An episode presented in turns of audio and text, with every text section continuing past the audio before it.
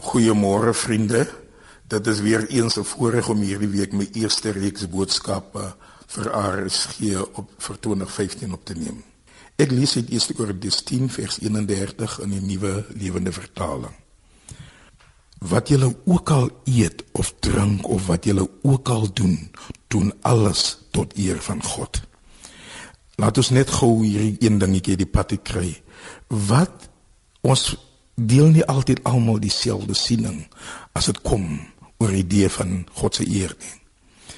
Byvoorbeeld Johannes die Doper was so konservatief dat baie van die dinge waaroor Jesus veroordeel was, beslis nie eens geval het in sy raamwerk of sy siening van God se eer nie. Sodat hy self sy disippels moes stuur in Matteus 11 vers 3 met die vraag: "Is u die een wat sou kom of moet ons 'n ander een verwag?" Maar vriende, hoe dan nou? As dit nie hierdie selfde profeet wat in Johannes 1 vers 1:29 gesê daar is die lam van God wat die sonde van die wêreld wegneem nie. Jesus het ten spyte van die feit dat wat hy gesien het as die eer van God duidelik nie ooreenstem met Johannes se siening nie.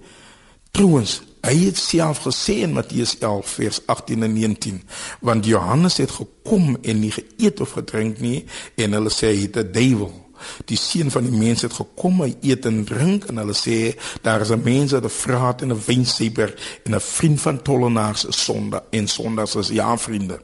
Jesus het nie weggeskram om vol te leef volgens sy oortuigings nie trouens. Hy het gesê hy Jesus daarvoor gekom dat ons life in abundance volgens Johannes 10 vers 10 kan hê.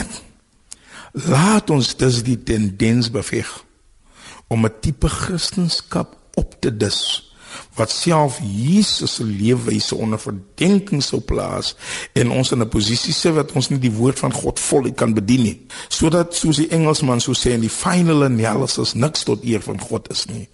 Volgens Jesus was Christendom in my bykestaal om full throttle voluit te leef. Dis of jy nuwe land of elswaar toe gaan hoe jy jouself ook al gaan geniet naweke wanneer jy besigheid doen ja selfs op die hof jouself moet verweer. Ja meneer of mevrou selfs in 'n bitter egskeidingsgeding mag jy nooit vergeet dat jy Christen is en dat jy dus nie verskans is teen wat met alle ander mense gebeur nie. Dis al voel jy hoe aan die versoeking om feite aan te dik wat die een teenoor wie jy eens trou gesweer het sy eer en karakter ernstig kan benadeel dink net hieraan laat alles wat ek doen tot eer van God wees. Kom ons bid. Here, dis Jesus wat ons wil doen. Amen.